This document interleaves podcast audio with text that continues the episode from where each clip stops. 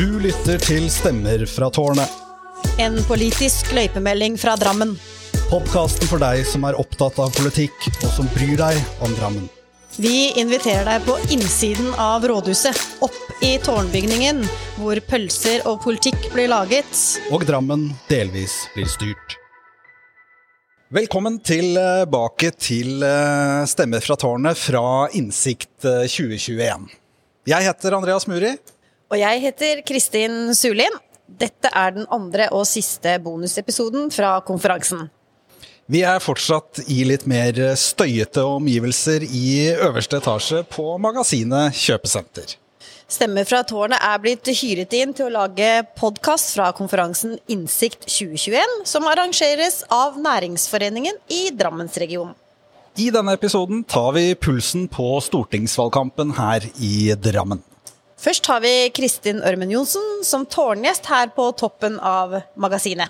Deretter inviterer vi til politisk duell mellom eh, stortingsvalgets eh, fremste kamphaner her i Buskerud. Altså Masud Gharahkhani og Trond Helleland. Da setter vi i gang.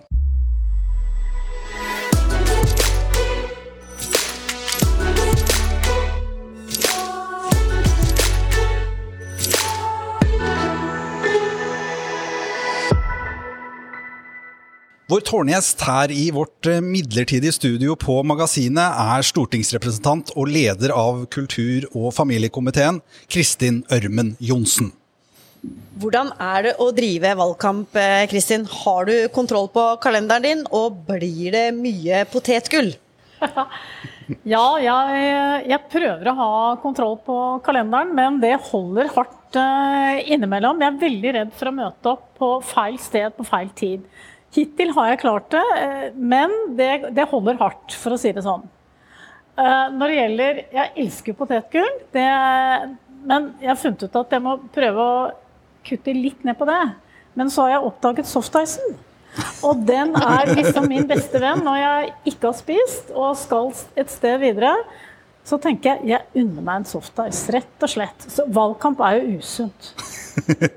Debattklimaet kan jo til tider bli litt hett. Blir man kanskje litt irritert på hverandre også? Absolutt. Eh, som i dag, da jeg debatterte med Martin Kolberg, hvor han punkt én sa at eh, det norske Arbeiderparti er næringslivets beste venn. Da kjente jeg at blodtrykket faktisk bare steg oppover. Og det ble ikke bedre når han sa at hele velferdsstaten i Norge, alt som har skjedd her, handler om at det norske Arbeiderpartiet har gjort dette. Det er jo selvfølgelig ikke sant. Men, og jeg fikk svart godt på det, men da, da, da blir man irritert. Men blodtrykket har gått ned igjen? Ja, jeg tror det har gått ned igjen. Det, men det går nok litt opp i, i debatter. Og, men kanskje det viktigste er å prøve å holde blodsukkeret litt sånn jevnt. Derfor denne softicen, for den bruker jo litt tid på å fordøye seg, tror jeg. Ja. Men, men, Irriterer du deg lenge etterpå, eller går det Nei, det går fort over. Nå har jeg fått meg en kaffe, så nå er jeg egentlig klar for ny debatt. Men mannen din hjemme, er han litt sånn debrifingssjef, eller hvordan fungerer det? Ja, du stakkars, han, han, skjønner at det er valgkamp. Han har vært gjennom dette mange ganger før. Jeg tror han var veldig skuffet da han hadde fått seg en ny elbil, om at jeg ikke hadde tid til å sette meg inn i alle finessene og alt det denne elbilen kunne gjøre. Så sa jeg etter 13.12. så skal jeg være helt September. klar Nei, ja. September. Så, hva sa jeg? Desember? Ja, men det, det var går veldig lenge. Ja, da kan du se kalenderen. Etter 13. september så skal jeg sette meg inn i alle finessene i den elbilen. Men hva, Kristin, hva tenker du blir viktig nå i innspurten av valgkampen? Ja, det blir jo viktig å få frem budskapet og egentlig hva som står på spill uh, i Norge. Jeg mener det er mye som står på spill. Uh, vi har en statsminister som kan styre gjennom kriser. Som uh, er stø, og samtidig kommer vi ut av krisene med vekst. Flere kommer i arbeid. og det er jo, Jeg er veldig opptatt av at vi fra Høyre skal få frem det budskapet. Tusen takk for at du tok deg tid til å komme til oss, Kristin. Og lykke til med valgkampen. Takk for det. Takk for det.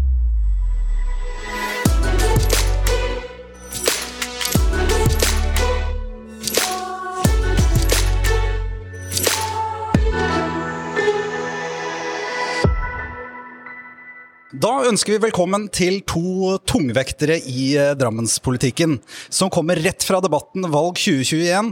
Hvordan blir Norge og Drammen etter pandemien, som ble arrangert på, her på Innsikt 2021 av Drammens Tidende. Vi har med oss Arbeiderpartiets førstekandidat Masud Gharahkhani og Høyres førstekandidat Trond Helleland, som begge er politiske sluggere.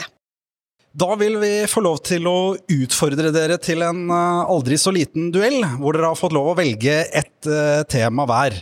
Og du, Trond, har valgt uh, fritt behandlingsvalg. Jeg har det fordi at vi hadde en duell om det i denne hoveddebatten, og jeg klarer ikke å forstå hvorfor Masud og Arbeiderpartiet legger så mye vekt på å frata pasienter valgfrihet. Det er jo sånn i dag at hvis du ønsker behandla f.eks. på Modum Bad av psykiske lidelser, så vil Arbeiderpartiet sette en stopper for det med å fjerne fritt behandlingsvalg. Det høres ut på deg som vi skal privatisere helsevesenet, men dette er tvert imot. Vi gir alle muligheten til å velge alternative tilbud til det offentlige. Hvorfor har dere denne ideologiske blindsperren som er så håpløs, massiv? Altså, jeg er jo opptatt av valgfrihet. og Det var jo Arbeiderpartiet som innførte fritt sykehusvalg. Det var både offentlige sykehus, men også de avtalene da ja, Helse Sør-Øst eller Vestre Viken inngikk, f.eks. med Modum Bad at folk har muligheten. Men forskjellen mellom det jeg ønsker og det egentlig du står for For nå kom det en rapport som sa tydelig fra at eh, denne såkalte privatiseringsreformen som Høyre har gjennomført, den er ineffektiv, byråkratisk, og den eh, bidrar til sosiale forskjeller. Og det er ikke sånn at ventetiden har gått ned. Det som bekymrer meg, Trond, er at vi skal bygge et nytt sykehus her i Drammen. Og vi vet at eh, Høyres mål om at enda flere skal da inn på dette med private løsninger som skal konkurrere med offentlige sykehus, vil tappe helsevesenet rundt 2 milliarder. Og det er en utfordring for et nytt sykehus vi skal bygge her i Drammen. Men det nye sykehuset i Drammen skal være et eh, fantastisk eh, sykehus som har både psykiatri og somatikk. Men så vet vi det at det er noen som trenger en annen behandling enn det de får på det offentlige helsetilbudet. Og Derfor så mener jeg at det er viktig at vi beholder den muligheten til å velge. Det tapper ikke pasientene for noen ressurser eller for muligheten til å velge. De får akkurat de samme mulighetene. Det du er opptatt av, er systemet, det offentlige. Det at det offentlige må ha full kontroll. Og Jeg ønsker at vi har et mangfoldig samfunn. Akkurat som vi har en mangfoldig by her i Drammen, så ønsker jeg at det er ulike tilbud til ulike pasientgrupper. Så Det dere ønsker å gjennomføre, er jo at man uten noen kriterier skal gi muligheten til private aktører å konkurrere med vår Nei. offentlige helsevesen, som er der flest er innom og trenger hjelp. Det er veldig mange kriterier. Jeg vet ikke om du har lest den eh, loven om fritt behandlingsvalg. Det er veldig detaljert, og det er 27 institusjoner i Norge som deltar i det nå. Vi ønsker å utvide det, sånn at det nå istedenfor at 65 000 pasienter har fått behandling gjennom det, så ønsker vi å øke til 100 000 pasienter. Og det, det, det, det er litt litt lite kjent ennå. Og det er bra at vi kan bidra til folkeopplysning ved å gjøre det kjent her. Men da må ikke dere avskaffe det når det først har begynt å fungere. Men Trond, det var jo ikke så lenge siden at noen ble fratatt. Og da hadde man allerede brutt 40 millioner kroner på et dårlig kvalitetstilbud som ble levert av private. Ja.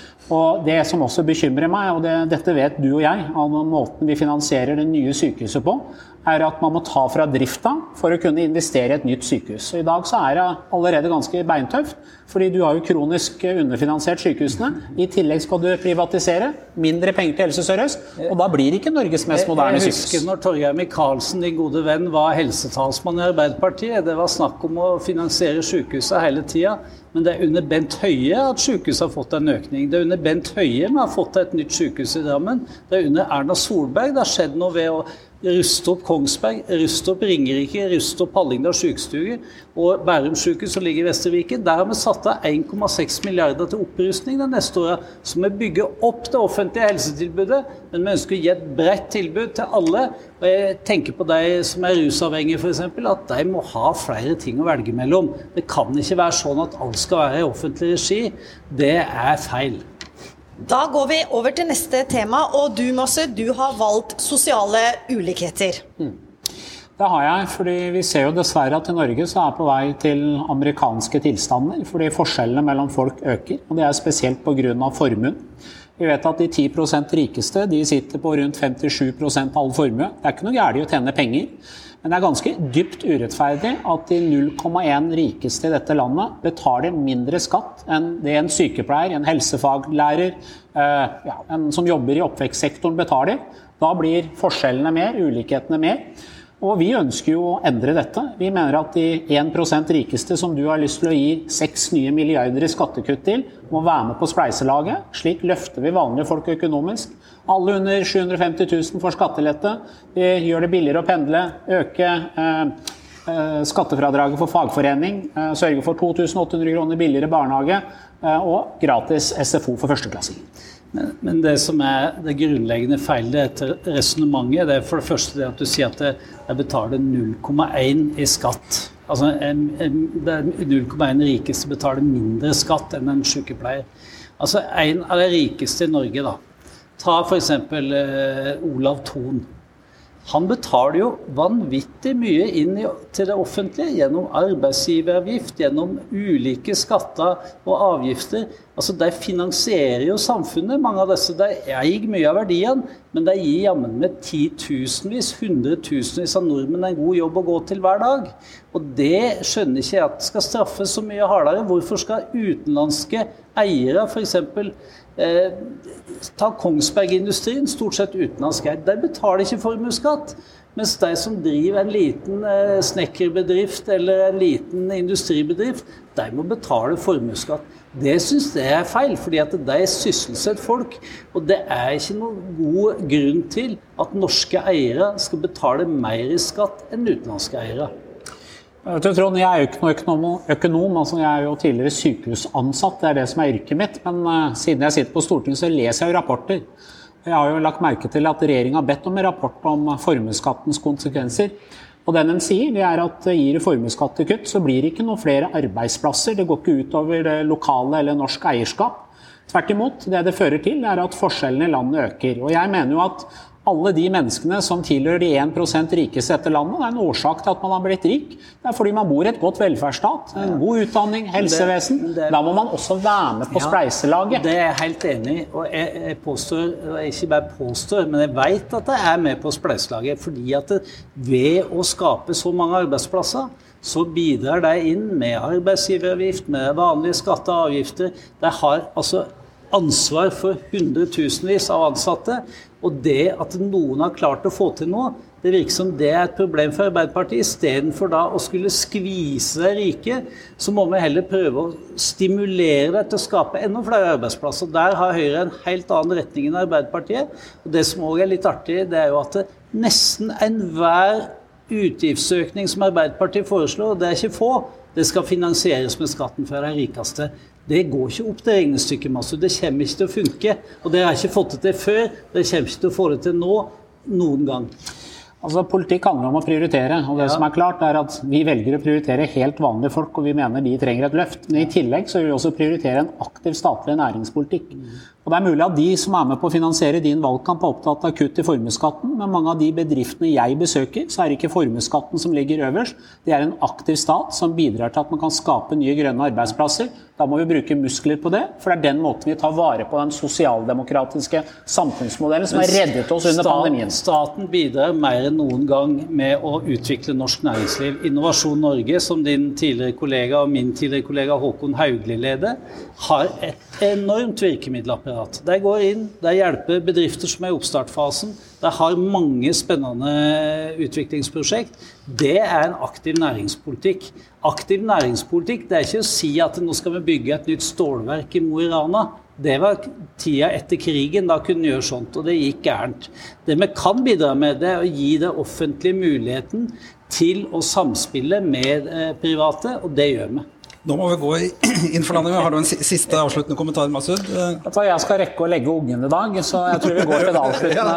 Ja, for, da, for da er vi rett og slett i mål med denne duellen. Og vi ønsker å bare å avslutte med et par kjappe spørsmål. Eh, hva tror dere blir den viktigste saken i media akkurat nå i innspurten? Eh, Trond først?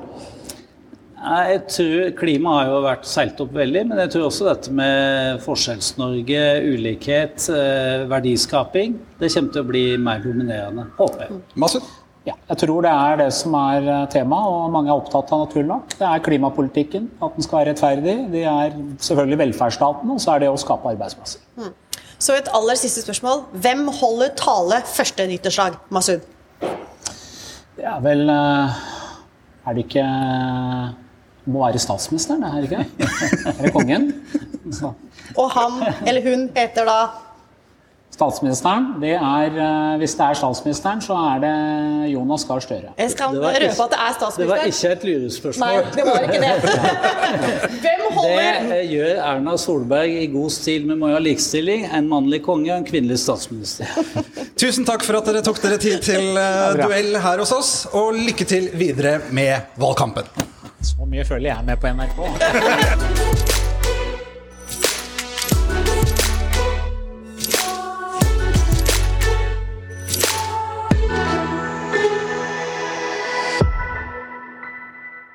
Nå er vi i mål her fra Innsikt eh, 2021. Men vi kommer snart tilbake med en sedvanlig rapport fra kommunestyremøtet i september. Du finner oss som eh, alltid på stemmer fra tarnet.no. Så tusen takk eh, for oss her fra magasinet. På gjenhør. Du har lyttet til Stemmer fra tårnet. En politisk løypemelding fra Drammen. Vi står helt og holdent for våre egne meninger. Og er våre egne redaktører. Likte du det du hørte? Da setter vi pris på om du trykker abonner på podkasten vår. Og, følger oss på Facebook.